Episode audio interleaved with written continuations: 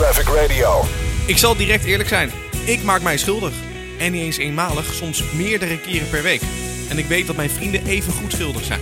Ik heb het over WhatsAppen terwijl je aan het fietsen bent.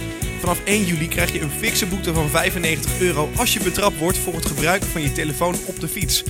Voor de duidelijkheid, dat is net zoveel als dat je door rood rijdt. Mijn vraag is, wat mag wel en wat mag niet?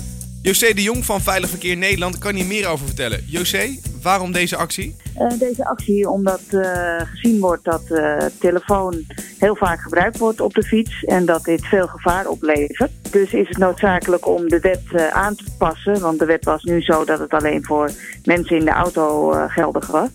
En daarom is nu besloten om de wet aan te passen. Dit ook voor fietsende appers strafbaar te maken. En hoe haalbaar is het eigenlijk in de zin van hoe gaan jullie dit controleren? Nou, wij niet, maar wij hopen dat de agenten mensen echt staande gaan houden. Dus het echt, als je een telefoon in je hand hebt, dan ben je strafbaar. Uh, dus dat is duidelijk te zien. En, en daar worden, gaan acties op gehouden worden. Net zoals op fietsverlichting steeds vaker gebeurt. De, de handhaving gaat dit dus, dus oppakken. Ja, weet je, als er een groep van tien uh, studenten bijvoorbeeld langskomt fietsen... en ze gebruiken allemaal een telefoon ja, weet je, dan, dan is er toch een kans dat 1 op de 10 maar wordt stilgezet. Ja, dat is natuurlijk een situatie die voor kan komen, maar misschien iets minder voorkomt. Maar dan is het toch al wel weer een hele mooie waarschuwing. Stel dat er één wordt uitgepikt voor de andere negen, dat ze de volgende keer misschien aan de beurt zijn. En het is, als het jongeren zijn, toch best veel zakgeld uh, wat je in één keer kwijt bent. Uh, voor zoiets wat eigenlijk niet nodig is. Maar wat dan als je je telefoon als navigatie in de hand gebruikt? Uh, je mag hem als navigatie gebruiken, maar dan moet hij vast op het stuur zitten. Dus in een houder op het stuur, dan mag je hem als navigatie gebruiken, maar je mag hem niet in de hand houden. Dus het, het meest belangrijke is dat je in principe ieder moment twee handen aan het stuur moet hebben. Ja, dat kan, dat kan je dan in ieder geval doen. Ja, of één gebruiken om de richting aan te geven. Maar uh, ja, het is in ieder geval dat hij niet meer afleidt dat je hem in je hand hebt en echt zo op het beeldscherm kijkt. Je mag dat wel doen terwijl hij in een houder zit. Dan kijk je wat meer in het verlengde van de weg. Maar echt gericht op dat mobieltjes, die ogen en niet op de weg. Dat gaat echt uh, verboden worden.